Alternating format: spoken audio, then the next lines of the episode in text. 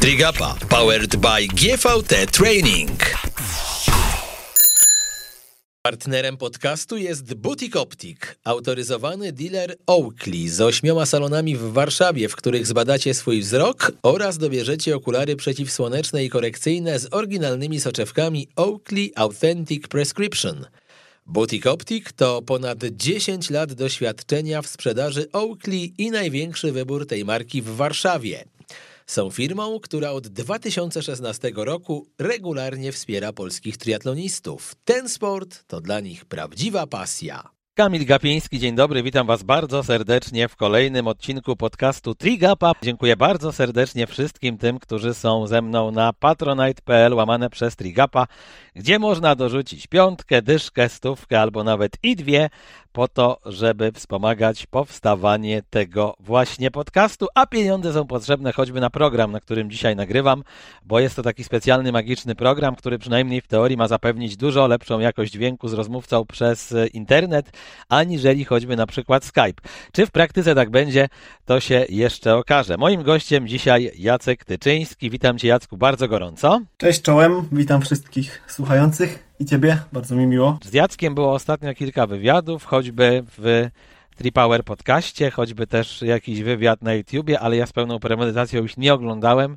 gdyż nie lubię sugerować się wywiadami innych i tak mi jest po prostu wygodniej, więc być może zadam Ci takie pytania, jakie już miałeś, ale musisz się z tym pogodzić. Natomiast e, z opowieści o Tobie, Twoich znajomych, ja odnoszę wrażenie, że Ty jesteś pierwszym filozofem polskiego triatlonu.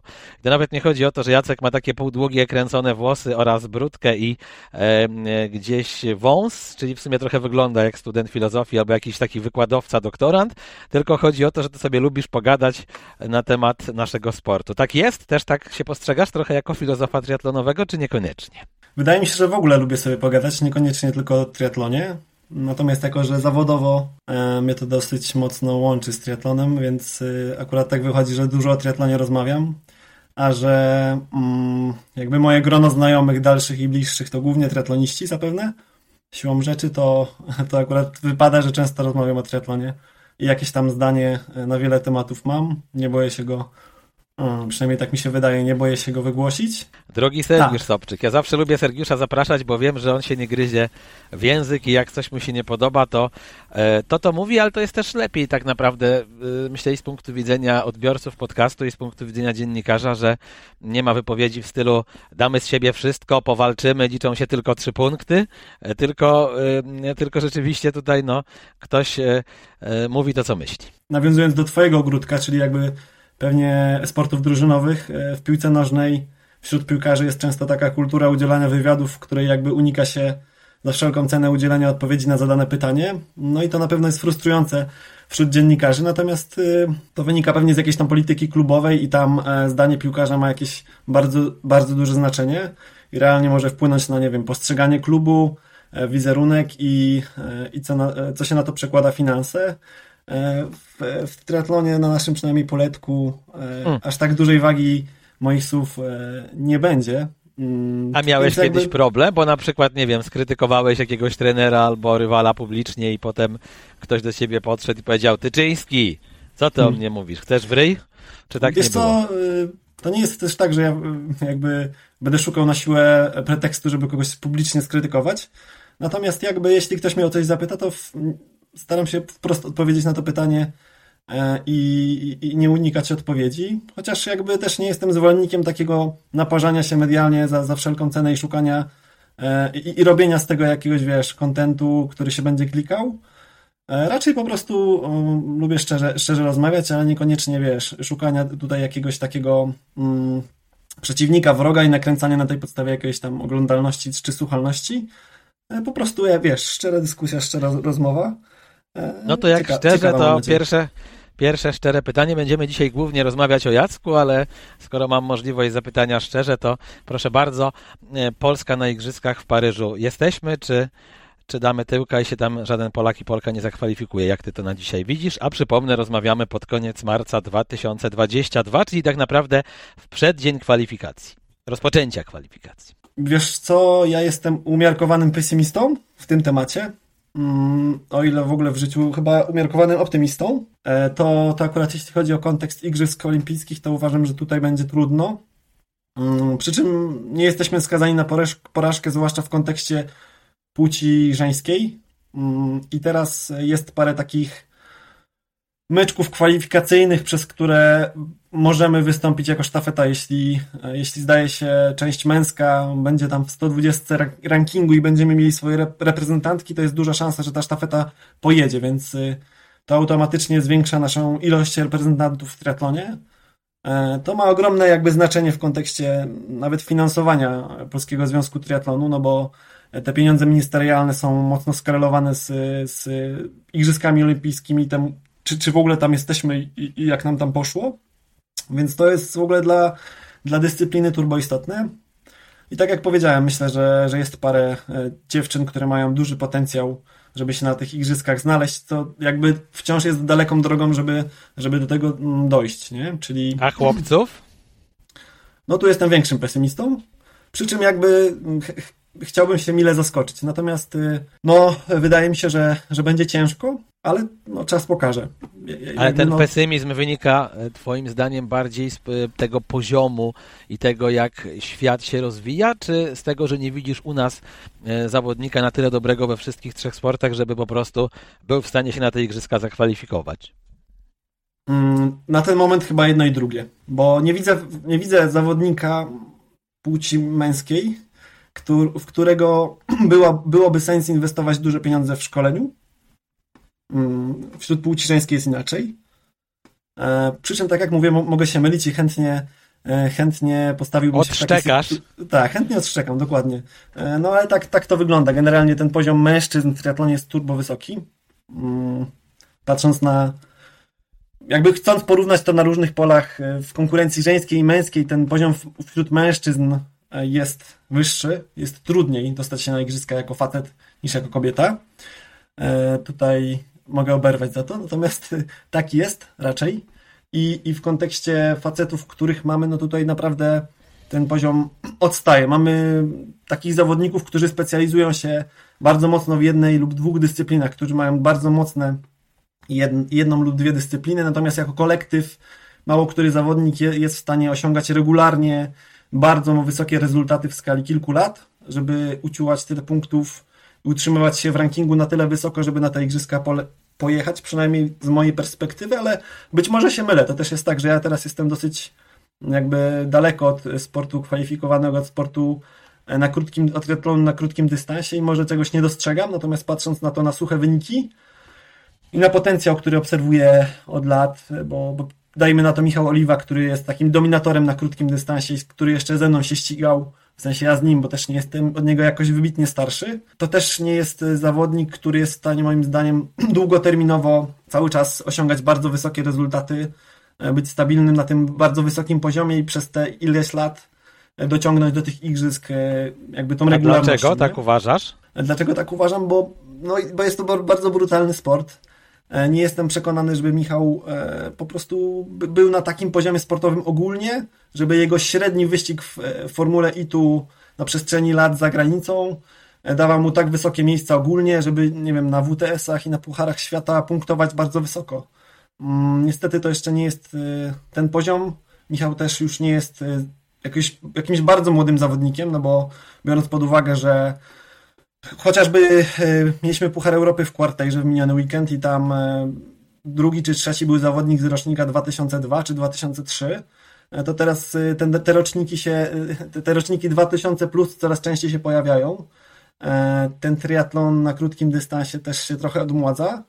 Mm, no i te, też w triatlonie jest tak, że jeśli nie osiągniesz swojego potencjału sportowego do wieku 24-25 lat, to nie, raczej nie podnosisz tego poziomu jakoś spektakularnie później, nie? Czyli jeśli ktoś w tym wieku nie, nie doszedł do takiego poziomu, żeby na Pucharach Europy regularnie, zakładam, walczyć o podium, to ciężko mu będzie nagle wystrzelić do tego poziomu, żeby, wiesz, mieć wysokie miejsca na, na, na zawodach wyższej rangi, czyli Pucharach Świata, Pucharach czy WTS-ach, nie? E, mhm. To niestety jest taka statystyka, która jest brutalna. Nie chciałbym nikomu odbierać ambicji, bo bo generalnie taki e, romantyzm w tym sporcie i, i, i determinacja jednostek mm, potrafi da, da, się tutaj dużo nadrobić. Natomiast patrząc na tę statystykę, to ona jest dosyć brutalna i jeśli pojedynczy zawodnicy w wieku po 25 roku życia jeszcze nie są na tym poziomie, to prawdopodobnie nie podnoszą, nie podniosą go o 10-15%. To już jakby nie ten etap raczej. A ci młodsi, tacy jak chociażby Marcin Stanglewicz junior, z którego ojcem niedawno rozmawiałem, nie wiem czy miałeś okazję posłuchać tego podcastu, ale on tam sporo opowiadał o współpracy z Norwegami, o tym jak e, poświęcił się też dla swojego syna. Zresztą jeżeli wy też nie słuchaliście, to, to polecam, bo tam jest dużo ciekawostek takich wewnątrz obozowo-norweskich bym powiedział. E, czy właśnie, nie wiem, czy Marcin, czy, czy ktoś inny z tych chłopców z dwójką z przodu wróży według ciebie dobrze, czy, czy też tak średnio? W ogóle mm, świetna rozmowa. To po pierwsze, słuchałem jej, e, wracając w ogóle z Portugalii w aucie. Wielu podcastów mhm. słuchałem, ten był jeden, jednym z nich. I teraz... E, Dziękujemy. W ogóle intrygująca, e, intrygujący duet ojca z synem. Bardzo ciekawa historia. Rzadko chyba jest tak, że rodzic poświęca swoje życie mm, w imię jakby kariery syna, bo tak to trochę odczytałem między wierszami. Więc w ogóle strasznie ciekawe i jestem, kibicuję temu projektowi. Natomiast nie wiem, czy, e, czy Marcin jest e, na tyle utalentowanym i zdolnym zawodnikiem, mm, żeby się przebić do, do tak wysokiego poziomu sportowego. Na pewno um, ojciec Marcina ma jakby dużą determinację, żeby pozyskać kompetencje i wiedzę, żeby doprowadzić syna na, na najwyższy poziom sportowy. Natomiast nie wiem, czy to wystarczy. To też jest tak, że jeśli chcesz być dobrym trenerem, to pierwszych zawodników najczęściej musisz troszeczkę, mówiąc e, w cudzysłowie, zmarnować. E, I tutaj, jeśli nie ma takiego dużego backgroundu w danym sporcie, e, nie ma takiego dużego doświadczenia na podstawie iluś przerobionych zawodników, to nie wiem, czy taki pierwszy rzut i, i, pierwszy zawodnik, którego prowadzisz na poważnie, będzie tym, tym zawodnikiem, który dotrze na, na Igrzyska Olimpijskie. To wydaje się dosyć abstrakcyjne. Choć chyba ojciec Inger Brickcenów, o których rozmawiałem z Marcinem Stanglewiczem, e, no to był, że tak powiem, dla nich pierwszym trenerem i oni byli jego mhm. pierwszymi zawodnikami i zrobił z nich medalistów Mistrzostw Świata i olimpijskich. Na pewno wiesz, sam kształt takiej relacji ojciec z synem też e, troszeczkę inną determinację u trenera prowokuje. E, dlatego, tak jak mówię, kibicuję temu projektowi, ale mam wiele sceptycyzmu wobec tego, nie? Przy czym znowu, pewnie, pewnie chciałbym się miło zaskoczyć, tym bardziej, że kontekst jest ciekawy, historia jest ciekawa i e, no aż chciałoby się, żeby to wypaliło i, i właśnie w taki romantyczny sposób później e, dałoby się opisać, nie? Mhm. A ty jesteś zdania, że jeżeli chodzi o taki sport jak triatlon, to nie tyle talent, ile ta powtarzalność, solidność i praca. Ja pytam Ciebie o to nie przez przypadek, ponieważ kiedy ja rozmawiałem o Tobie z ludźmi, e, no to oni mi mówili, Tyczyński, żaden talent, bardzo przeciętny chłopak jako junior, natomiast do tego poziomu, do którego doszedł teraz, czyli przypomnę, że Jacek był e, choćby w suszu w zeszłym roku drugi tuż za Łukaszem Kalaszczyńskim, czyli już jak na Polskę przynajmniej poważne ściganie, to doszedł swoją pracowitością. Pewnie każdy chciałby o sobie e, w ten sposób myśleć, nie? Czyli takie, taka osoba, która w ogóle wszystko sobie zawdzięcza i sama doszła do tego. E, tak do końca nie jest. E, myślę, że nawet jeśli chodzi o predyspozycje, to jakieś tam przynajmniej na polskie warunki mam. Może one nie są wybitne, ale na pewno triatlon na długim dystansie to jest sport, który, w którym bardzo dużo można sobie wypracować e, długim stażem treningowym i mądrą pracą liczoną w skali lat, nie? E, mhm. Przy czym to, to nigdy nie jest taka gwarancja sukcesu, sukcesu, jakim myślimy, mówiąc na przykład o Igrzyskach Olimpijskich, czy, czy jakichś medalach Mistrzostw Świata, nie? Pewnie, pewnie tam na końcu ten, ten efekt talentu jest zna, znacznie bardziej istotny niż przy wyróżniających się zawodnikach w skali kraju. E, tutaj na naszym poletku myślę, że bardzo dużo można nadrobić, mając mądrego trenera, mając, e, wiesz, dobry charakter, będąc zdeterminowanym, mając dobre warunki finansowe, sprzyjające otoczenie, mieszkając w jakimś fajnym miejscu w Polsce, w którym jest po prostu mm, dobrze trenować. I to są takie przewagi, które u nas robią, robią różnicę, natomiast nie robią już różnicy, jeśli ścigasz się w, wiesz, w serii Mistrzostw Świata, czy na popularnych połówkach na świecie, bo tam już przychodzą zawodnicy, którzy raczej mieli te poprzednie punkty odhaczone, czyli raczej sprzyja, y, mieli sprzyjające otoczenie, raczej dorastali w jakimś e, w miarę sprzyjających, w jakichś w miarę sprzyjających okolicznościach i prawdopodobnie mają do tego predyspozycję, nie? To po prostu to akwarium jest trochę większe i pływają w nim tam trochę większe ryby. E, u nas da się wiele nadrobić takimi rzeczami troszeczkę dookoła i im wyższy poziom, tym ten talent ma większe znaczenie. Więc no hasło, że, że jakby jebać talent, tylko praca w sporcie amatorskim myślę, że ma, ma w sobie dużo prawdy. Natomiast y, w sporcie wyczynowym im wyżej, tym, tym troszeczkę zakłamuje to rzeczywistość.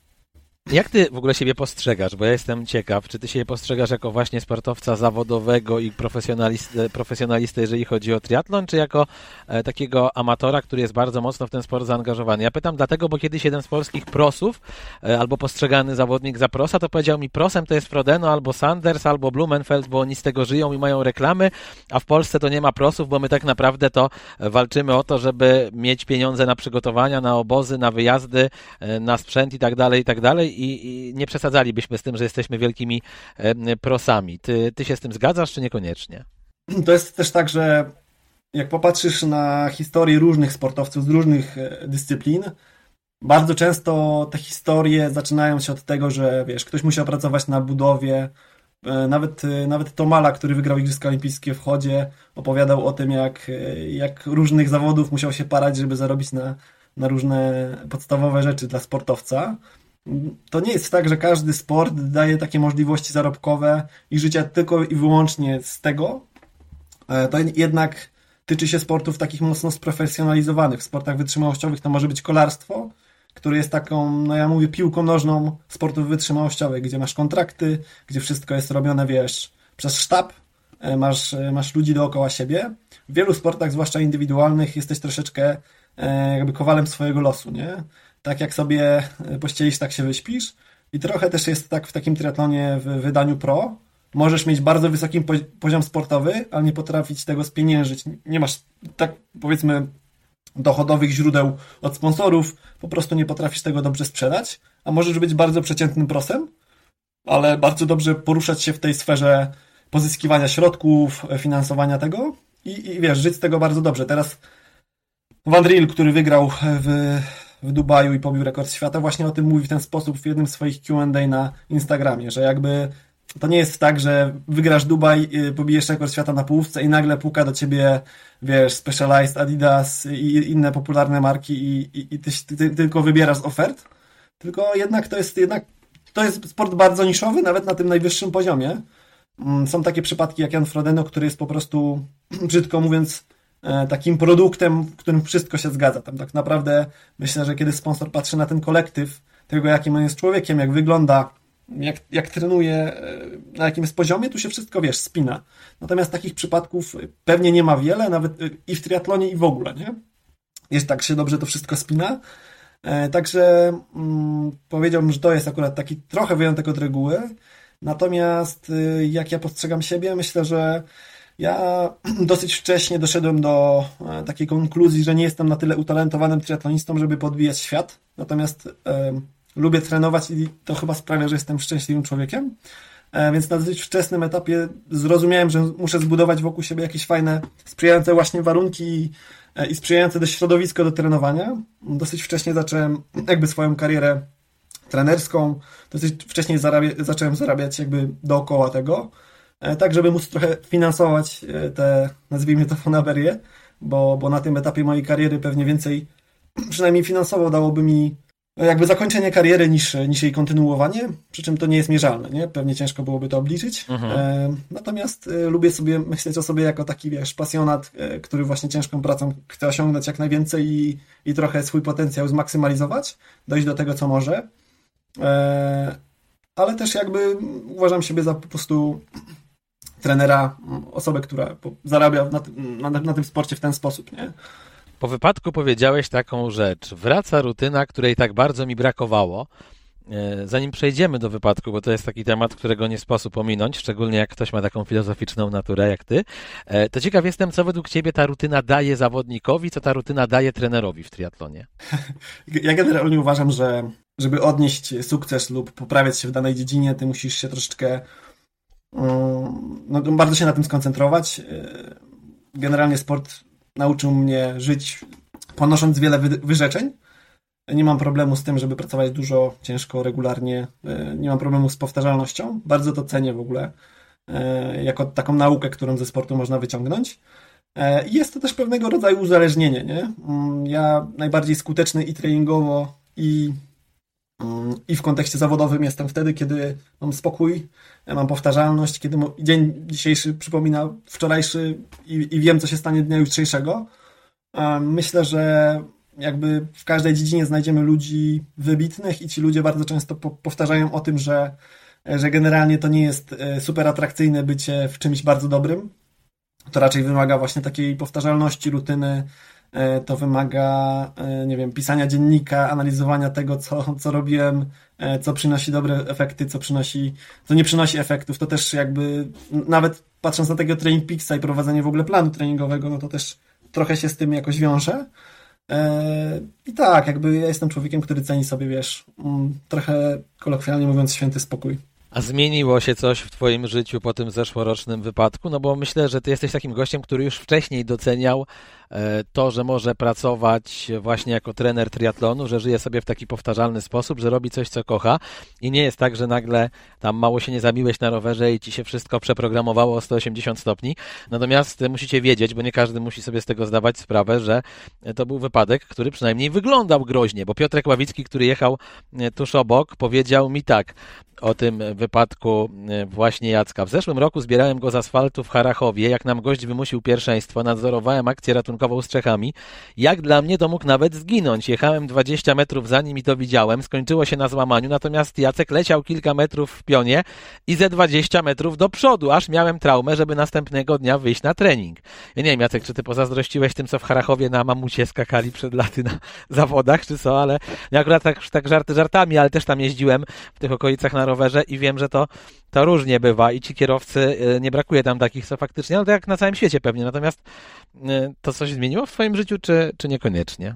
Jakby zawsze byłem typem osoby, która jakieś miała takie przeświadczenie, że nawet in, jeśli innym może się stać krzywda, to nie mi, że jak zawsze się wyślizgnę, zawsze zrobię unik, nawet w kontekście roweru, no to, to jakoś zawsze sobie poradzę, jak będzie sytuacja na styk, to ja z tego wyjdę. Trochę przestałem w to wierzyć.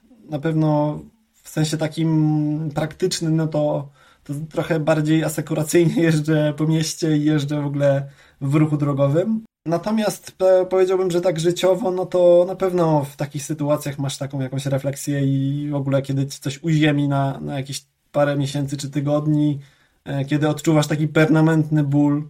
Ja też pierwszy raz byłem w ogóle na dłużej w szpitalu i przebywałem tam, wiesz, z ludźmi, którzy naprawdę nie mieli wesołej sytuacji, no to jakby otwiera ci to trochę oczy na, na trochę inny świat, y, którego nie widzisz żyjąc sobie tak normalnie na co dzień, więc na pewno jakaś taka wrażliwość i, i świadomość jest trochę inna na temat tego, jak wygląda życie. E, no i jest takich parę refleksji na granicy transcendentalnych, ale to nie, nie będę się z wszystkimi tutaj dzielił tego typu przemyśleniami. Na pewno e, zmusza taka sytuacja do refleksji.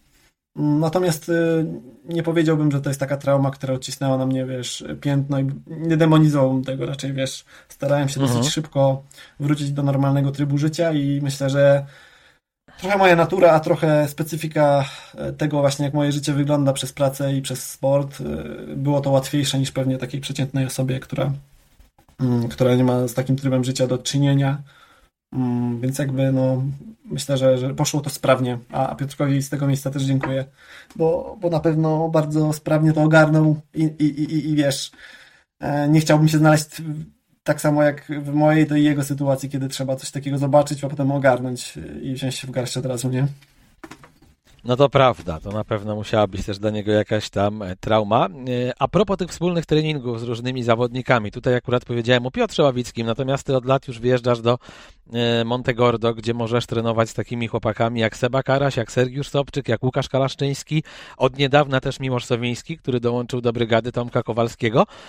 Ciekaw jestem, co takie treningi dają w grupie, jakie są ich plusy, ale być może jakie są też minusy i ewentualnie mhm. czy widzisz, bo teraz się stało modne trenowanie w grupie i na tych wszystkich obozach, czy widzisz jakieś plusy trenowania samemu? No ja pamiętam jak Emkon kiedyś opowiadał o tym, że on lubi e, triatlon za to, że jest taki właśnie uduchowiony w ten sposób, że może sobie samemu biegać, samemu pływać, samemu jechać na rowerze, ma w tym czasie czas na przemyślenia i tak dalej, i tak dalej. Oczywiście też jeden rodzaj treningów wiadomo, że nie wyklucza e, drugiego, prawda? No bo to, to można ogarnąć i tak, i tak, ale chciałem właśnie, żebyś powiedział, jakie są Twoim zdaniem plusy treningu w grupie, minusy i jaka jest przewaga ewentualnie treningu w pojedynkę? Tutaj trzeba na starcie rozgraniczyć mocno sport na krótkim na długim dystansie. sport na krótkim dystansie, na dystansie olimpijskim wymaga mm, treningu w grupie. Myślę, że nie da się osiągnąć wysokiego, jakby wprost nie da się osiągnąć wysokiego poziomu sportowego trenując w pojedynkę, ścigając się na krótkim dystansie. To jest po prostu w mojej opinii niemal niemożliwe. E, natomiast jeśli chodzi o długi dystans, to jest to, to różnie. Na pewno są takie treningi i takie okresy treningowe, w których można czerpać z treningu w grupie duże korzyści. E, I w ogóle mm, takie otaczanie się ludźmi, którzy robią to, co ty, e, mają podobną pasję i angażują się w to, jest na co dzień przydatne i inspirujące. Mm, takie obozy są właśnie takim momentem dla mnie, kiedy, kiedy mogę sobie zobaczyć osoby, które są jeszcze bardziej wkręcone niż ja. E, w ten sport i to pomaga, ale jest też dużo takich niebezpieczeństw. Raczej jest tak, że e, trzeba w sportach wytrzymałościowych mocno patrzeć na siebie, kontrolować swoją intensywność, bo w grupie łatwo zrobić trening za mocny. W grupie łatwo włącza się rywalizacja. Jeśli robimy podjazdy na progu, to łatwo próbować kogoś przegonić, e, zdublować, wyprzedzić o tyle i tyle, nie?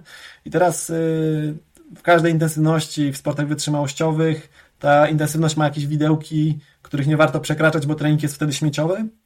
I tutaj e, te różnice w dyscyplinach, nawet patrząc na naszą grupę, gdzie, gdzie Seb Bakaraś e, pływa na jakimś astronomicznym poziomie, e, gdzie, ale już biega na przykład znacznie, znacznie wolniej niż Sergiusz Sobczyk, nie? Jeśli oni chcieliby wszystkie treningi robić bark w bark, to prawdopodobnie skończyłoby się to po trzech dniach przetrenowaniem na, dla jednego i drugiego, trochę na innych płaszczyznach, ale jednak. E, więc mhm. tutaj to, to wymaga po pierwsze dużej świadomości zawodników, mądrego ułożenia planu przez trenera i jakby takiego e, tutaj doświadczenia w treningu w grupie właśnie. Nie? Ja akurat jestem zawodnikiem, który wszystkie dyscypliny ma dobre, ale może żadnej wybitnej, żadnej też słabej. E, dlatego w teorii mogę zrobić trening z każdym. Mogę zrobić trening pływacki z Sebastianem Karasiem, mogę pobiec z Sergiuszem i, i jakby nie będzie to dla mnie problem. Mm, natomiast jeśli chciałbym, wiesz, każdy trening dociągać na maksa z nimi, jeszcze z nimi ścigać, e, no to już nie byłoby e, pewnie korzystne, nie? Tutaj po prostu jakaś taka pokora i, e, i świadomość tego, na czym ten sport polega, na czym ten trening polega, jest ważna, ale akurat ta grupa, o której mówimy, to są raczej dojrzali, dojrzali zawodnicy w, w, w jakimś takim momencie swojej kariery, w którym raczej nie muszą sobie nic udowadniać, tylko jakby właśnie chcą czerpać jakąś taką przyjemność i sens z tego treningu wspólnie, nie? Mhm. A czy mamy pośród nich przyszłego mistrza świata w age grupach, e, nowego Mkona? A jak tak, to kogo? Mm, szczerze mówiąc, myślę, że kariera age groupera w obu przypadkach, bo tu mówimy prawdopodobnie o inaczej. Marcin Konieczny trochę jest e, innym przykładem, innym przypadkiem, bo to też inna grupa wiekowa, mówiąc prost. I myślę, że Marcin ma duże lub bardzo duże szanse, żeby o ten tytuł powalczyć jeszcze raz. Mm, jeśli tylko wyścig się dobrze ułoży, jeśli nie będzie żadnego fakapu, bo to też są istotne rzeczy, tak jak najbardziej myślę, że Marcin może zostać mistrzem świata ponownie, patrząc na to, jak trenuje i w ogóle jakby jakie ma podejście do tego sportu, na etykę pracy tego gościa, no to myślę, że tutaj szanse są bardzo duże. W przypadku mhm. Sergiusza mhm. i Sebastiana, no to myślę, że ta ich kariera age groupera potrwa trochę za krótko, żeby dojść do tego finalnego mistrzostwa świata. Przynajmniej u Sebastiana, bo myślę, że on z age grupy zrezygnuje też już zaraz, a nie startował na tych mistrzostwach świata chyba jeszcze na, w age grupach w ogóle. Jeśli chodzi o Sergiusza, no to, e, to on też myśli o karierze zawodnika pro już niedługo e, i trochę to jest kwestia tego, jak mu pójdzie w Utah w tym roku. E, ja mu życzę jak najlepiej. Ma szansę, na pewno będzie bardzo mocny, ale tutaj takie, takie zawody jak Mistrzostwa Świata to zawsze jest trochę loteria, nie wiadomo kto przyjedzie, nie wiadomo czy nie urodził się jakiś nowy, wybitny age grouper w Stanach, w Norwegii czy, czy gdzieś jeszcze indziej, e, o którym nie wiemy, czas pokaże. Natomiast myślę, że Sergiusz w tym roku ma, ma szanse pokaźne i, i na pewno będzie, moim zdaniem będzie najmocniejszy jak dotąd. No pokazał to w tym biegu teraz na półmaratonie, gdzie nawet mnie wyprzedził i to już trzeba mieć kosmiczny poziom, muszę powiedzieć. E, godzina 09, no tacy biegacze jak Marcin Soszka czy warszawski biegacz Bartek Olszewski zostawieni w tyle. Muszę powiedzieć, że naprawdę byłem e, w szoku, jak tam Sergiusz zapierdzielał. E, ale wróciłbym jeszcze na chwilę do tych treningów. A jakie są plusy treningów pojedynkę, jakbyś powiedział? Oj, e, wiesz co? Do minusów by, bym dodał jeszcze takie trochę izolowanie się, nie? Czyli wielu zawodników, którzy um, sporty indywidualne na, na wysokim poziomie w pewien sposób wspierają taką egocentryczną postawę i powiedziałbym, że jeśli ktoś jest za mocno sfokusowany na tym treningu w kółko samemu i patrzeniu tylko i wyłącznie na waty, e, ma szansę wpaść w taką pułapkę zawodnika, który wiesz, e, mocno się wyizoluje i, i, i te postawy egocentryczne będą za mocno na wierzchu. To jest zagrożenie takie, nazwijmy to społeczne. Natomiast jeśli chodzi o zyski, czy tam e, plusy trenowania samemu, na pewno jest to takie, e, tutaj wiele takich pragmatycznych rzeczy, czyli wiesz, nie musisz na nikogo czekać, nikt się nie spóźnia, e, wyjdziesz na dziesiątą, to wyjdziesz na dziesiątą, jak ktoś ci powiedzmy wypadnie, to, to zmienisz tę godzinę treningu, nie jesteś zależny od nikogo. Możesz kontrolować te swoje strefy, zrobić trening wolniej, szybciej, nie mając poczucia, że nie wiem, dzisiaj czuję się gorzej, ale biegnę z, z kolegą, który który czuje się lepiej i warto trzymać mu towarzystwa, czy głupio wyjdzie, jak, jak tak nie zrobię. E, więc tutaj wiesz, e, na pewno ten trening jest bardziej zindywidualizowany, nie? To jest trochę jak, nie wiem, jazda na trenażerze i jazda w terenie. Trening na trenażerze być może jest dokładniejszy, ale chyba mm, nie, nie, nie najlepszą radą jest robienie wyłącznie treningów na trenażerze cały rok, nie? Zawsze gdzieś taki balans między jednym a drugim jest e, dobry i myślę, że tak samo jest w treningu grupowym, indywidualnym kontekście treningu grupowego on też jest mocno dla głowy, mocno dla, dla ducha, natomiast w kontekście e, przepraszam, mówiłem grupowym, w kontekście treningu mhm. indywidualnego, no to mm, on jest taki mocno kontrolowany, tutaj możesz zrobić to, co chcesz, jak chcesz i, i, i wiesz, nie jesteś od nikogo zależny. Mm, I to są takie plusy. Natomiast wiesz, tak jak mówię, tutaj myślę, że taki zdrowy balans pomiędzy jednym a drugim jest, e, jest najlepszym złotym środkiem. A propos tego spóźniania, jak gdzieś słyszałem, chyba, że ty się spóźniasz. To jest nieprawda. Kurczę, kto tak powiedział? A, bo chciałbyś, nie powiem, nie zdradzę moich źródeł. Słuchaj, tak, pierwsza no... poprawka amerykańskiej konstytucji nie broni, nie powiem. Wiesz co, yy, znaczy powiedziałbym, że punktualność nie jest moją mocną stroną, tak powiedziałbym. Rozumiem, dyplomatycznie. Tak. E, drogi Jacku, przypomnę, rozmawiamy z Jackiem Tyczyńskim, to jest podcast Trigapa. E, skoro orbitujemy wokół Trienergy, ciekaw jestem, Tomka Kowalskiego. To znaczy, znam go dosyć dobrze, więc może nie jakoś tak super ciekaw, ale twojego spojrzenia na Tomka Kowalskiego. E, co ty od niego czerpiesz jako też młody trener i dlaczego on według ciebie jest najlepszym trenerem w Polsce? Bo zakładam, że jak tak chyba czytałem sobie wywiady z tobą, to uważasz go za numero uno. Znaczy ja sobie bardzo cenię współpracę z Tomkiem i jeśli chodzi o ten aspekt bycia trenerem, to mm, czuję się lub mogę sobie powiedzieć, że jestem trochę takim adeptem Uniwersytetu Tomka Kowalskiego, nie? Czyli myślę, że na przestrzeni lat mogłem czerpać z jego spostrzeżeń wiedzy mm, bardzo dużo. Też on pozwolił mi czerpać jakby z tej wiedzy bardzo dużo, za co jestem mu wdzięczny. E, poza tym, e, cóż, no, mogę się tylko powtarzać i powtarzać mniej więcej te superlatywy. Może też nie uważam, że Tomek Kowalski jest trenerem dla każdego, bo jest to dosyć wymagający trener pod kątem zaangażowania, e, pod kątem realizacji tego, co, co zaplanuje. Jeśli nie jesteś dosyć mocno oddany temu, co robisz i odporny, to, to, to powiedzmy, że może to być dla ciebie czasami trudne. Mm. No też możecie kopnąć w dupę, bo przecież na twoje miejsce pewnie z 15 osób by chciało wskoczyć, biorąc pod uwagę, jaką Tomek ma opinię, podejrzewam. Tak. Czyli jakby, no... jakby powiedział jakiemuś zawodnikowi w teorii, gdyby był na niego pogniewany, czy nie podobałaby mu się jego etyka pracy, coś w stylu, słuchaj, nie trenuję już z tobą, to nie jest tak, że nagle miałby dziurę w budżecie, e, tylko zapewne już za dwie godziny by kolejna osoba wskoczyła. Tak, chociaż nigdy jakby nie myślałem o tym w ten sposób. Natomiast... Hmm. Y ale to też wynika chyba z, z, naszego jakby charakteru. Ja też nie jestem osobą, którą trzeba jakoś bardzo mocno e, pokierowywać. Raczej jestem świadomy, na jakich zasadach współpracujemy, e, jakby czego Tomek ode mnie wymaga. Mm, zdaje się, jakby mam o sobie takie, takie zdanie, że nie jestem osobą, która, która dostarcza mu jakichś wielkich problemów, czy, czy sprawia, że musi się mocno zastanawiać, jak mnie motywować, czy, czy jak będą Że tam jest karteczka z napisem Tyczyński, długopis i tak skreślić, czy nie tak, skreślić. Tak, tak, tak, a raczej... co czerpiesz jako trener od Tomka, a co robisz inaczej od niego? No bo zakładam, że to nie jest też tak, że e, twoje trenowanie zawodników to jest e, kopii i pastę e, treningi Tomka, tylko coś jednak robisz po swojemu, więc, więc musiałaś mhm. uznać, że coś, coś chcesz zmienić w stosunku do tego, co z tobą robi Tomek. Jestem ciekaw co. Na pewno uważam, że jest jakaś różnica charakterów między nami. E, ja jestem chyba troszeczkę bardziej e, nazwijmy to empatyczny, czy e, troszeczkę inaczej podchodzę do pewnych rzeczy, w pewnych sytuacjach zachowałbym się inaczej lub w stosunku do różnych zawodników miałbym różne role. I, ale to wynika głównie po prostu z różnicy, jakie charaktery mamy i jakimi jesteśmy ludźmi. Nie? E, I, i, I, gdzieś tam myślę, że każdy w, w, swojej drodze jako trener musi się troszeczkę zdefiniować sam, e, wybrać sobie trochę to, jak chce ludzi prowadzić, jak chce z ludźmi rozmawiać, jakim trenerem chce być. Nie?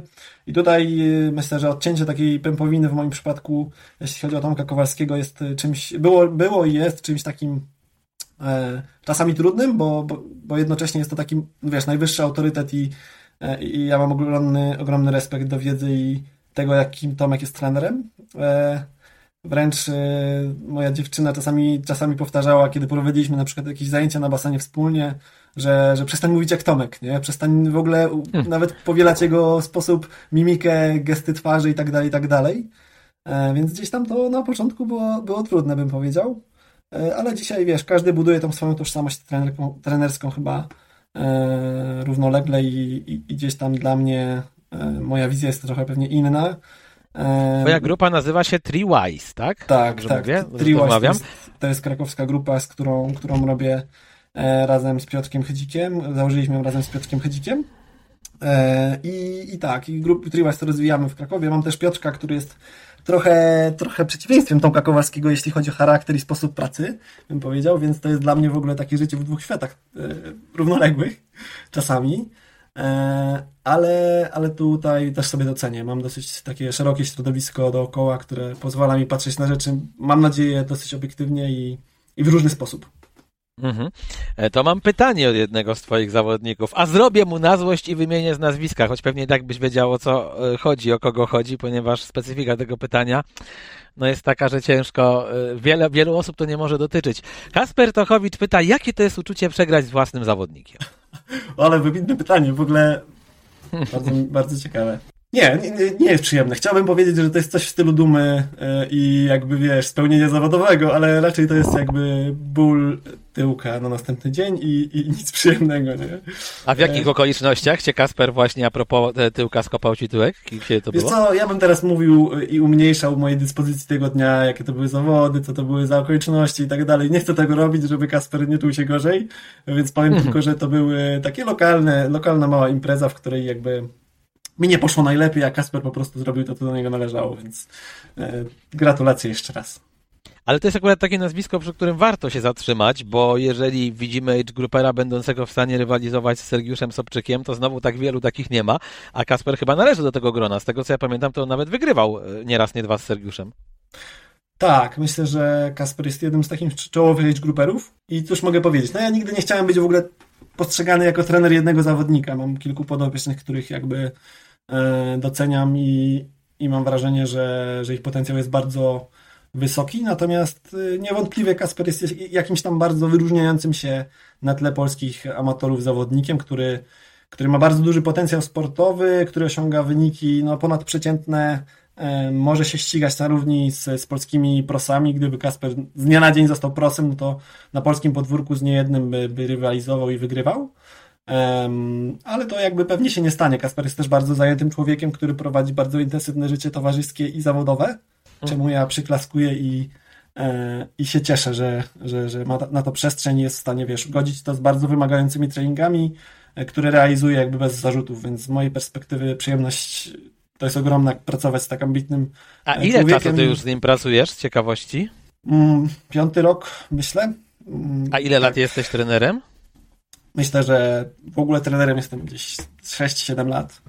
Czyli nie zmarnowałeś go wracając do twojego poprzedniego wątku sprzed kilkunastu minut, bo trochę się uczyłeś na żywym organizmie i jednak ten organizm sobie dobrze radzi. Nigdy nie wiesz, e, jakby, jakby to było, gdyby było inaczej, czyli wiesz, gdyby Kaspra objął jakiś totalnie wybitny trener, być może Kasper byłby dzisiaj wyróżniającym się prosem, a nie wyróżniającym się amatorem nie mówię nie. Co za skromność. E, natomiast też jest tak, że e, no tak, jakby jestem z tego na pewno dumny, że, że Kasper do, dobił do poziomu sportowego, gdzie może ścigać się na wysokim poziomie. Ja też wchodząc jakby w trenerkę miałem przynajmniej wysokie poczucie własnej kompetencji, nie? Jakby z czasem e, masz o tym trochę inne wrażenie, ale wtedy byłem bardzo pewny siebie i miałem wrażenie, że wszyscy trenerzy w Polsce to jest w ogóle ciemnogród i nic, nic nie wiedzą. Ja też miałem taki bardzo mocny background teoretyczny, nazwijmy to, nie? Dużo czytałem, dużo śledziłem, blogi zagranicznych trenerów, czyta, czytałem to wszystko, słuchałem podcastów bardzo wcześnie, e, więc miałem takie poczucie, że ja tu w ogóle będę e, wymiataczem wśród trenerów i, no i mam nadzieję, że to kiedyś, kiedyś nastąpi, ale dzisiaj mam o sobie jeszcze tak, jeszcze wiele przede mną, mam nadzieję. I, A który ty jesteś rocznik z ciekawości? 96 to przez tą brodę to nie wyglądasz. Ja teraz się poczułem starą dupą. Znowu rozmawiam z kimś dużo młodszym. A, w każdym razie, y, a propos tego trenowania, no bo wiesz, zacząć trenować kogoś mając 20-19 lat, y, jak się zdobywa wtedy zaufanie? No bo z jednej strony już startowałeś, ale z drugiej hmm. jakiś, jakiś zawodnik mógłby, wiesz, powiedzieć, no halo, dlaczego ja mam się oddawać w ogóle w ręce kogoś tak młodego, co on może wiedzieć o życiu? Czy to jest tak, że ty musiałeś na to zaufanie pracować, czy raczej ludzie się do ciebie i tak, mimo tego, że wiedzieli, ile masz lat, albo nie wiedzieli, tak jak ja myśleli, że jesteś parę lat starszy, bo wiesz, bo wyglądasz e, przez brodę czy przez zarost dojrzalej, to po prostu nie pytali o to. To jest ciekawe, bo e, ja jestem jednym z tych ludzi, którzy w trakcie swojej kariery dotychczasowej, zawodowej raczej próbowali obniżać, e, podwyższać swój wiek niż go obniżać. Myślę, że nawet, nie wiem, mój imidż i, i posiadanie brody na wczesnym etapie życia pomagały. Ale szczerze mówiąc, nie miałem nigdy specjalnie wielu pytań o wiek. Nie miałem też wielu pytań o wykształcenie, mimo że byłem wykształcony w kierunku bycia trenerem, to, to jakby nikt nigdy o, nie, o to nie zapytał. I w obu przypadkach jakby okej, okay, no tutaj e, ja starałem się być maksymalnie kompetentny, e, na, na, na ile byłem przygotowany w tamtym czasie. Mm, z Kasprem było trudno, no bo tak naprawdę zacząłem go prowadzić w wieku, tak jak mówisz, około 20 lat, a on był jeszcze rok starszy ode mnie, więc to było w ogóle narzucanie autorytetu osobie, która jest e, nawet starsza, choć niewiele, ale, ale jednak na, w takiej relacji, w której trzeba tego człowieka jakoś mimo wszystko poprowadzić, czasami go wysłuchać i, i się zastanowić. Mm, więc to było takie, wiesz, ciekawe doświadczenie, ale z drugiej strony ja w wieku 17 lat jeździłem z Tomkiem Kowalskim i Trinergy, nie wiem, na Fuerteventurę e, i, i, i siedziałem koło kobiet po 50, które mi opowiadały o problemach wychowawczych synów, którzy byli w moim wieku, nie? Mm, więc takie mm, towarzyszenie tym amatorom. Mi się wydaje, że są tacy ludzie w ogóle, e, których można nazwać trochę takimi młodymi starymi, tylko że w dobrym e, tego słowa znaczeniu. Ja mhm. miałem na przykład w liceum przyjaciółkę, która miała 14 lat i przyjaciół samych studentów, bo ona czuliśmy, że jest od nas po prostu dojrzalsza najzwyczajniej w świecie i sposób, w jaki postrzegała świat, sposób, w jaki się wypowiadała i tak dalej, sprawiało, że my się czuliśmy, jakbyśmy byli jej młodszymi braćmi czy siostrami, a ona była dokładnie w naszym wieku. I myślę, że ty możesz e, na ludziach robić podobne wrażenie, co jest tak naprawdę komplementem, że po prostu nawet jeżeli ktoś jest starszy od ciebie albo mniej więcej w twoim wieku, może czuć się, że to ty jesteś ten e, starszy i to jest okej. Okay. No, takie historie przecież na zawodowy sport. Patrzmy, Julian Nagelsmann, który ma 35 lat, prowadzi Bayern Monachium i umówmy się, twoja kariera triatlonowa przy karierze piłkarskiej Juliana Nagelsmana to jest przekariera, bo on nie był właściwie żadnym piłkarzem poważnym, e, szybko skończyła, a, a prowadzi, wchodzi do szatni, w której jest Lewandowski i tak dalej i ma posłuch w tej szatni, mimo tego, że, że mogliby powiedzieć, panie, przecież pan nigdzie nie grałeś, a jednak swoją osobowością, charyzmą e, potrafi gdzieś tam tych ludzi e, za sobą pociągnąć. To jest fajne, że też tacy młodzi trenerzy mm, są. Ja nie wiem, w Bundeslidze piłkarzy ręcznych mojej ukochanej od chyba dwóch czy trzech lat Fixe Berlin, e, profesjonalną drużynę, jedną z najlepszych w Niemczech, a Bundesliga ma najlepszą ligę na świecie piłki ręcznej prowadzi trener z rocznika 94, no, więc to jakby jest do zrobienia. Też większość zawodników jest od niego starsza, niektórzy są dużo starsi, więc potrafię sobie wyobrazić, że to funkcjonuje, a jakbyś jeszcze chciał tych swoich zawodników e, właśnie z nazwiska poza Kasprem wymienić, z których na dzisiaj jesteś też, że zakładam, że pewnie z każdego jesteś dumny, ale z tych, którzy rzeczywiście twoim zdaniem dobrze wróżą. I jaką ty masz filozofię tego treningu? Chodzi mi, wiesz, o to, jak często gdzieś w Krakowie z ludźmi się widzisz, nie wiem, czy na wspólne pływanie, czy na bieganie i ty sobie ustaliłeś taki limit, że nie wiem, prowadzę 30 osób max, bo więcej to już wiem, że wtedy nie będę mógł poświęcić każdemu takiej uwagi, jakbym chciał, czy może jest, że tak powiem, no limit, jak to u ciebie wygląda? Bardzo potępiam trenerów, którzy wyznają zasadę no limits e, i to jakby nie jest dobra zasada. Myślę, że należy taki limit mieć e, i, i u mnie też taki występuje, który obecnie jest no jakby na wyczerpaniu w zasadzie. E, to może trochę antyreklama, ale, ale generalnie w TreeWise znajdziemy miejsce zawsze, chociaż tutaj w moim przypadku będzie na ten moment, na, na ten moment ciężko.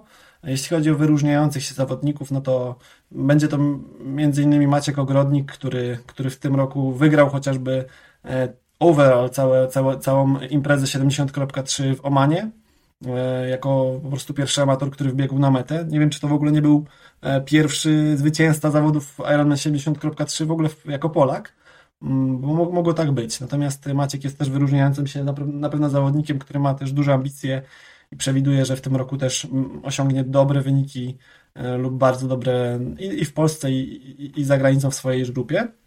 Jest też Krzysiek Owczarek, który E, który startuje raczej na krótkich dystansach, ale był też mistrzem Polski w swojej kategorii wiekowej, e, parokrotnie na, na dystansach super sprinterskich, sprinterskich, e, na, na zawodach serii Iron Garmin Triathlon często był pierwszym amatorem, czy, czy, czy, czy biegał na metę tuż po najlepszych prosach, bo te zawody zwykle są dosyć mocno obsadzone, jeśli chodzi o, o pierwszą trójkę.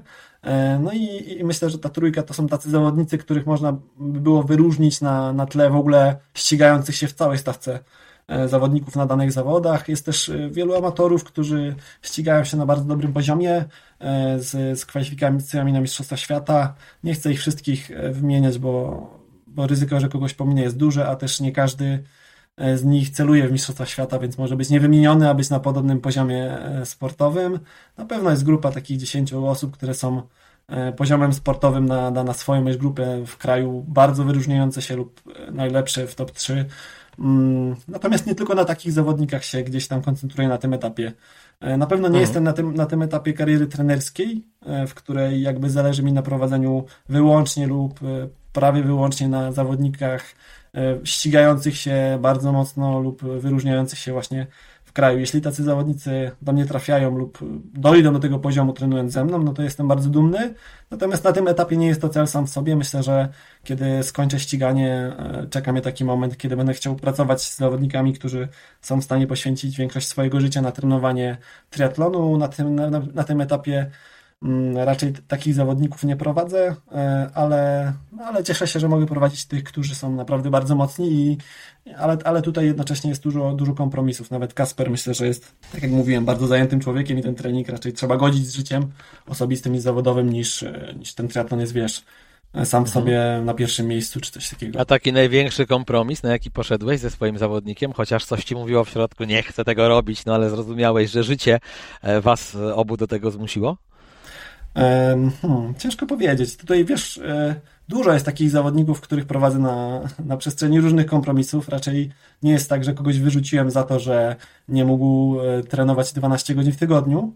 E, ja wychodzę też z założenia, że triatlon jest sportem, który możesz trenować bardzo długo, ale z różną intensywnością. Nie każdy rok to musi być rok Twojego progresu i życiówka.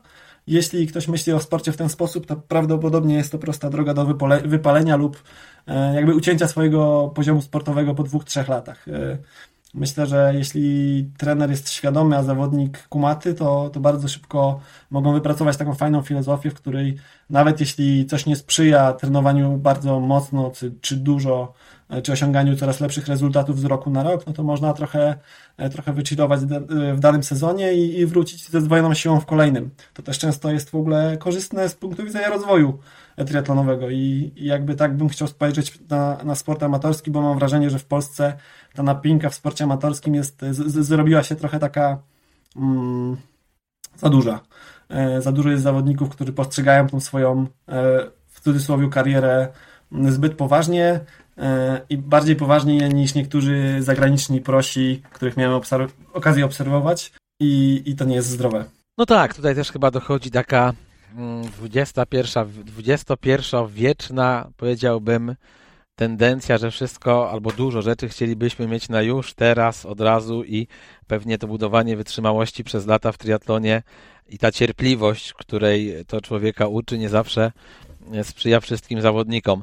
E, a kim ty się posiłkujesz, jeżeli chodzi właśnie o trenerów, o blogi, o podcasty, oczywiście poza moim? E, to ciekaw jestem właśnie, gdzie za granicą, kogo słuchasz, kogo czytasz, kogo byś tutaj polecił ludziom nas, wiesz, słuchającym, oglądającym, jak to jakby, jak to jakby e, tutaj wygląda, z, twojej, z twojej strony. Mhm. Na pewno jest tak, że nie ma dużo źródeł informacji w triatlonie, które są warte polecenia, to po pierwsze. E, warto zawsze podkreślić, że trenerzy, popularni to rzadko trenerzy, których warto słuchać. E, raczej specjaliści nie piszą książek popularnych. E, I, i, I wszystkie książki pod tytułem Biblia triatlonu czy plany na ileś lat, czy, czy, czy miesięcy, już nie pamiętam teraz tytułów dokładnych, mm, książek związanych z triatlonem w polskich księgarniach. One rzadko są, są dobre i często nie przetrwały próby czasu. Tam są rzeczy, które są już archaizmami, są już nieaktualne w takim nowoczesnym treningu sportowym. To jest pierwsza rzecz. Druga rzecz to jest taka, że mm, jeśli chodzi o trenerów i, i, mamy dzisiaj erę podcastów, nie? Tych podcastów zagranicznych jest kilka. E, Scientific Triathlon e, Michaela Eriksena to jest podcast numer jeden, e, uważam. Nie dość, że treści i gości, których zaprasza, to są totalnie czołowi trenerzy na świecie, którzy również polecają w tym podcaście swoje źródła wiedzy o, nie dość, że ten podcast jest bardzo dobrze prowadzony, to na końcu masz też notatki do niego na stronie internetowej scientifictriathlon.com i możesz sobie wrócić do, do najważniejszych tematów, tam jest tak naprawdę wszystko podane na tacy, więc jeśli ktoś nie wiem, z polskich trenerów jest na tyle leniwy, że nie, nie, nie zgłębia takiej wiedzy, to, to, to, to nie rozumiem. E, mhm. Druga rzecz są, są blogi takich naprawdę dobrych trenerów dostępne w internecie, pewnie E, blog e, Breta Satona, czy, czy Paulo Sousy, czy Joe Filola, czy, czy wielu innych e, są, są dostępne. Oni często mają swoje firmy coachingowe, gdzie po prostu publikują treści w formie blogowej, nie? Żeby jakiś tam content tworzyć, to myślę, że polecam po prostu poszukać i, i, i wiesz, poobserwować tych najlepszych trenerów. Łatwo do nich można trafić po Instagramach dobrych prosów, po, po podcastach właśnie. Mm, dzisiaj to jest naprawdę dużo prostsze. E, jeśli chodzi o. No i naprawdę tych podcastów jest dużo. Wczoraj słuchałem World Triathlon, czyli jakby Federacji Triatlonowej Międzynarodowej na krótkim dystansie. Oni prowadzą swój podcast, gdzie też zapraszają bardzo wartościowych gości. Eee, właśnie wczoraj słuchałem podcastu z trenerem Roxany Słupek, właśnie Paulo Sousą niepopularne imię, nazwisko w Polsce obecnie. Nie ale... mylmy, właśnie chciałem powiedzieć, z Paulo Sousa, który uciekł do Brazylii, bo to się tak, jednak tak, cały czas tak. kojarzy średnio w tym kraju. Cały... A rozmawiamy akurat przed meczem, e, bo wy będziecie tego słuchać w środę, znając już wynik meczu barażowego Polska-Szwecja my jeszcze nie znamy. No A powiedz tak. mi, mój drogi, taką rzecz, bo jak pytałem o ciebie ludzi i o twoje hobby, to każdy mówił, hobby? Jakie hobby? No jedno hobby ma Jacek Tyczyński, jest to triatlon i na nic innego czasu nie zostaje. I ciekaw jestem, że tak jest faktycznie, czy też masz jakąś odskocznię, a czy jeżeli nie masz, to czy nie uważasz, że to jest tak trochę właśnie jak mówiłeś, że jesteś na obozie z ludźmi, którzy uprawiają triatlon i z jednej strony możesz czerpać z ich punktu widzenia, ale z drugiej, czy takie zamykanie się tylko w świecie triatlonowym to nie jest jednak w skali życia, ja już nie mówię tylko triatlonu, trochę cofające. Jak ty na to patrzysz? Ja poznałem ludzi odklejonych od rzeczywistości e, w triatlonie i to nie są e, miłe rzeczy, e, bo, bo, bo po prostu dostrzegasz, jak, jak bardzo krótkowzroczny może być człowiek, jeśli patrzy na, na świat przez pryzmat jednej rzeczy. Staram się kimś takim nie być. Mam nadzieję, że mi wychodzi, przynajmniej po części. Natomiast jeśli chodzi o moje hobby, no to mm, inne sporty. Piłka nożna jest jednym z nich, bym powiedział właściwie.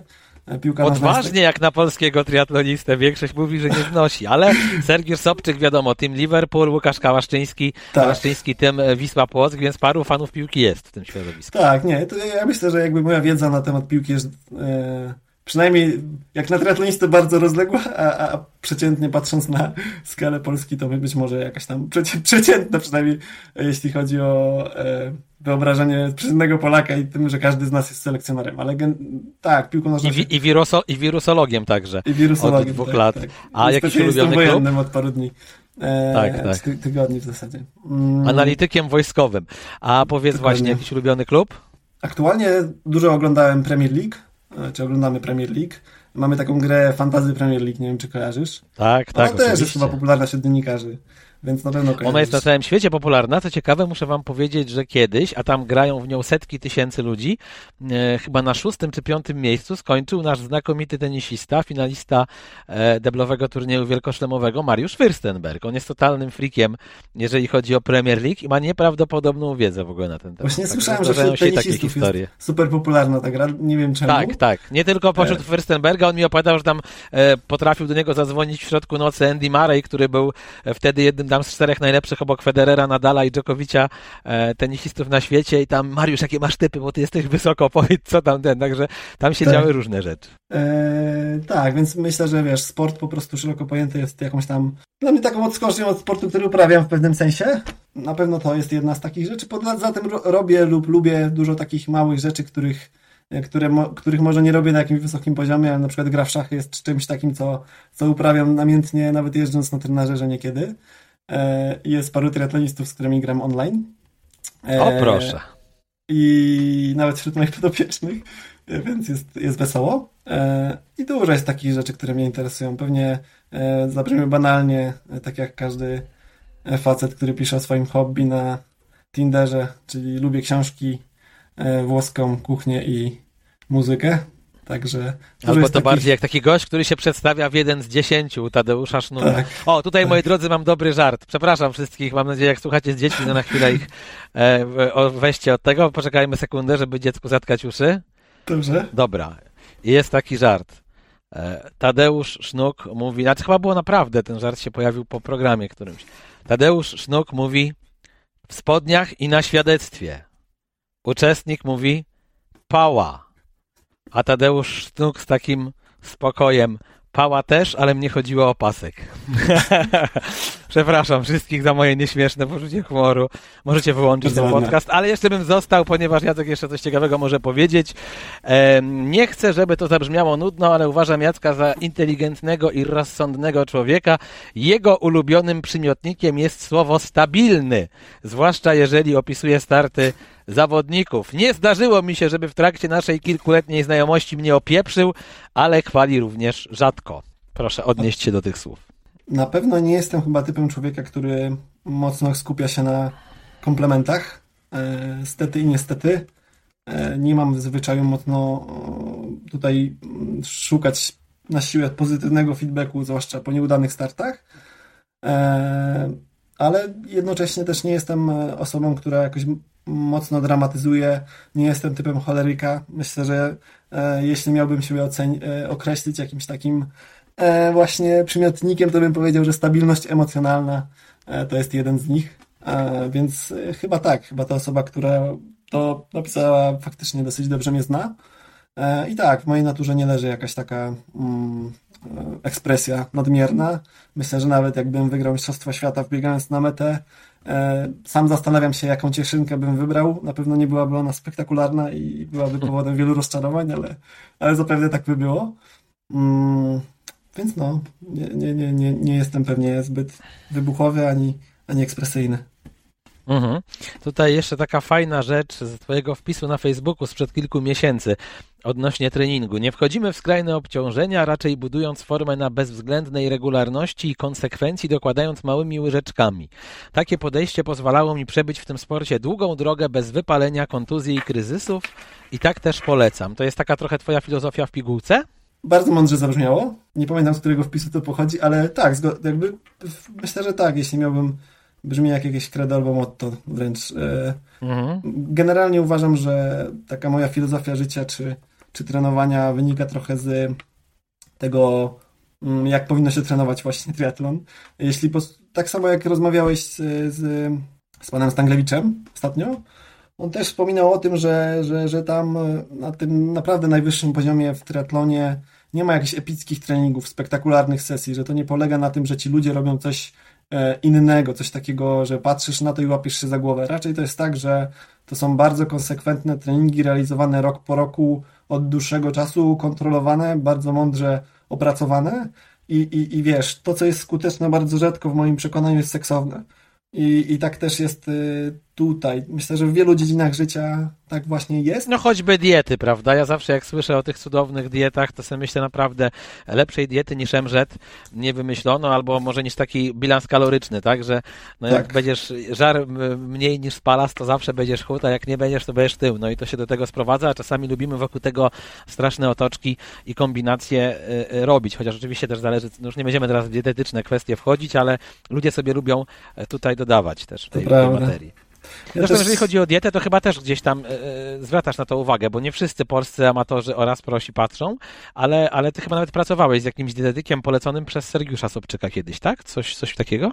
To jest taka e, ciekawa historia, bo zrobiliśmy.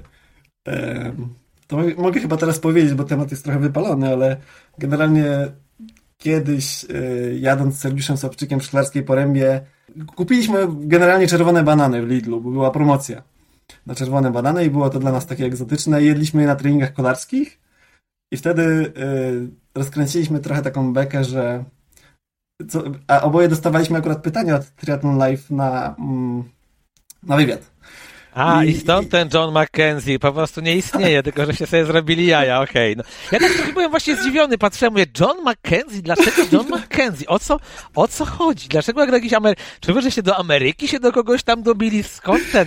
No widzisz, coś mi tu śmierdziało już wczoraj, no. I od no, tamtego czasu, tak, John McKenzie jakby występuje przy wielu anegdotach Aha. związanych z, z żywieniem, czy przy wielu jakby historiach przy stole, na obozach i tak dalej, no tutaj, no John McKenzie tak fajne. Słynny John McKenzie, polecasz. John McKenzie top. Wspominam, tak. John McKenzie top, pozycja Martynaczyk jest zagrożona w polskim środowisku dietetycznym, gdyż John robi postępy z każdym kolejnym miesiącem. Ale tak serio, zwracasz na to uwagę i ty na przykład jesteś tym psycholog sportowy i tak dalej i te wszystkie szukanie tych drobnych szczegółów po pół procenta, procent, które ci coś ekstra dadzą, czy, czy uważasz to za niepotrzebne fanaberie? No, jeśli chodzi o dietetykę, no to mm, ja być może nie jestem sam z siebie najlepszym tego przykładem, bo bym powiedział, że na wiele sobie pozwalam, mimo. Znaczy, też powiedzmy, mój metabolizm wiele mi wybacza. Natomiast mhm. w kontekście takiego żywienia około treningowego, w kontekście takich rzeczy, które działają i mają sens, y, mam dosyć mocno jako trener wyrobione zdanie. Słucham ekspertów i staram się w, tym, w tej dziedzinie dosyć e, mocno przysiedzieć, kiedy pojawia się coś nowego. I lista rzeczy, które działają, które mają sens, zwłaszcza w suplementacji, czy, czy właśnie w żywieniu okołostartowym, jest dosyć sprawdzona, zbadana i to są rzeczy bezpieczne. E, paradoksalnie uważam, że e, wielu zawodników, zwłaszcza wyczynowych, cierpi na, jakby ma problemy raczej niedożywieniem niż prze, przejadywaniem się, nie? E, I tutaj na pewno mm, można mieć duże deficyty. Do pewnego stopnia należy na dietę zwracać uwagę, Natomiast y, widziałem też wielu zawodników zafiksowanych na tym punkcie i myślę, że większy, więcej zawodników, zwłaszcza ambitnych, którzy trenują dużo, większą krzywdę zrobiło sobie będąc na jakichś dietach mniej lub bardziej e, fikuśnych niż na, mm, niż wiesz, niż e, odwrotnie tak naprawdę, nie? Tutaj wiele osób prze, prze, przesadza w drugą stronę i, i znowu wracamy do tego, że taki złoty środek i balans pomiędzy byciem frikiem dietetycznym, a, a pozwalaniem sobie na wszystko jest pewnie najlepszy. No. E, psycholog sportu, bo ja uważam na przykład, że jest to bardzo ważna rzecz. Parę razy w swoich podcastach mówiłem, że niedoceniana. Najlepszym przykładem ta praca Darii Abramowicz z Igą Świątek, która została właśnie numerem jeden e, mhm. światowego rankingu WTA i który, która uważam, że ma niesamowitą świadomość jak na swój młody wiek. Przypomnijmy, że to jest dziewczyna, która dopiero 31 maja skończy 21 albo 20, chyba 21 lat i absolutnie mam takie wrażenie, patrząc na nią z boku, że się nie zachłysnęła tym sukcesem, a umówmy się, no została jedynką światowego światowego rankingu w globalnym sporcie. To jest jedno z największych wydarzeń, moim zdaniem, w historii polskiego sportu. E, coś olbrzymiego.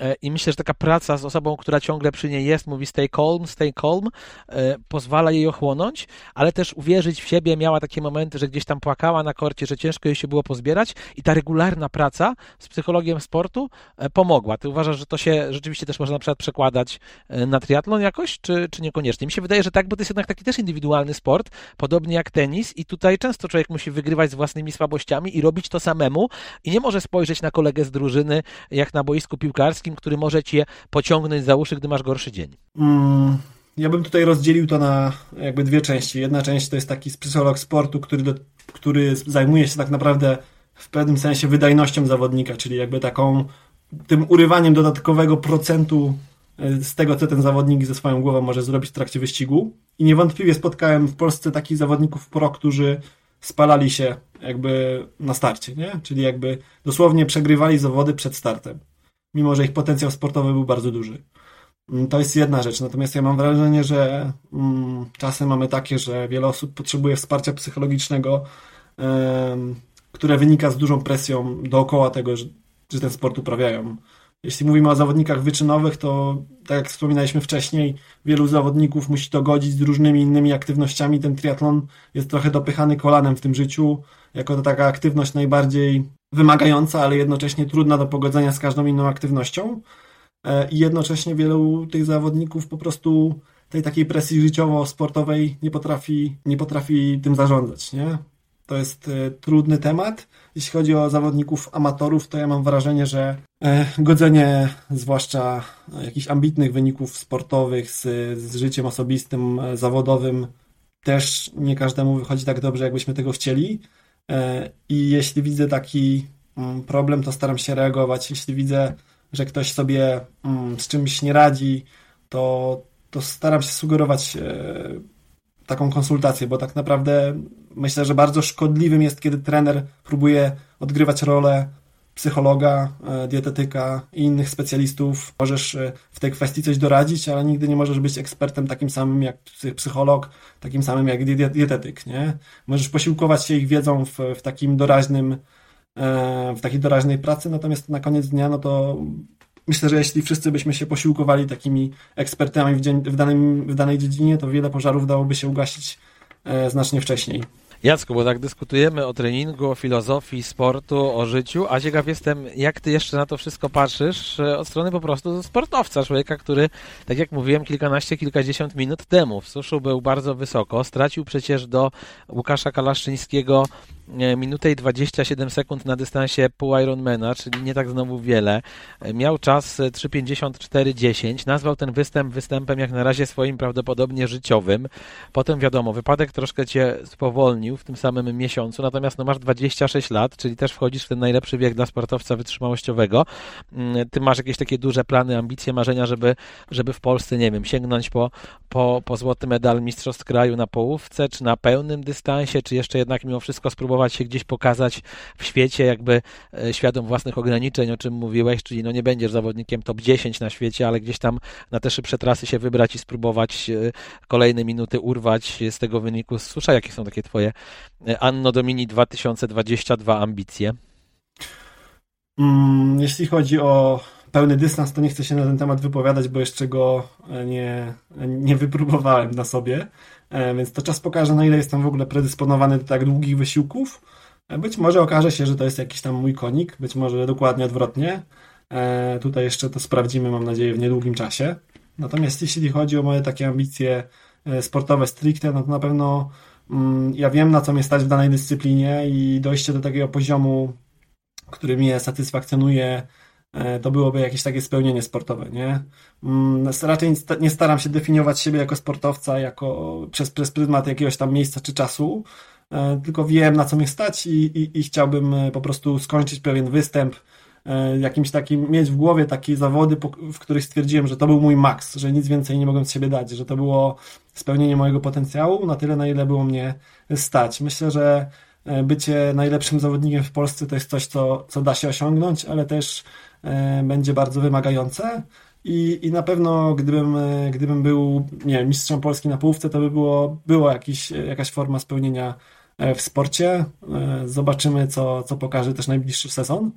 E, I, i Ale najbliżej mocno... tego startu e, perfekcyjnego to był ten susz rzeczywiście w zeszłym roku? Czy, czy nawet może to był start perfekcyjny z Twojej perspektywy, ponad półrocznej? Myślę, że perfekcyjny to nie i sam się zastanawiam, czy kiedyś taki perfekcyjny nadejdzie, bo to jest taka trochę utopia. Natomiast y, e, był bardzo dobry. No, to był taki start, który wspominam w ten sposób, że sam siebie zaskoczyłem i wiem, że to był dosyć szybki wyścig. My tam pobiegliśmy też bardzo dobre wyniki mimo ciężkich dosyć warunków pogodowych. E, więc y, to były takie zawody, które pokazują, ok, e, ten potencjał jest, e, jest jeszcze miejsce na pracę, więc skoncentruj się na tym i, i, i zobacz, gdzie, gdzie cię to zaprowadzi, nie? Mhm. Mm, więc nie daję sobie jakichś takich limitów, ograniczeń. Staram się po prostu budować wokół siebie fajne warunki do, do uprawiania tego sportu, nie zawalając niczego dookoła, i, i sam jestem ciekaw tej drogi, gdzie mnie to tak naprawdę zaprowadzi.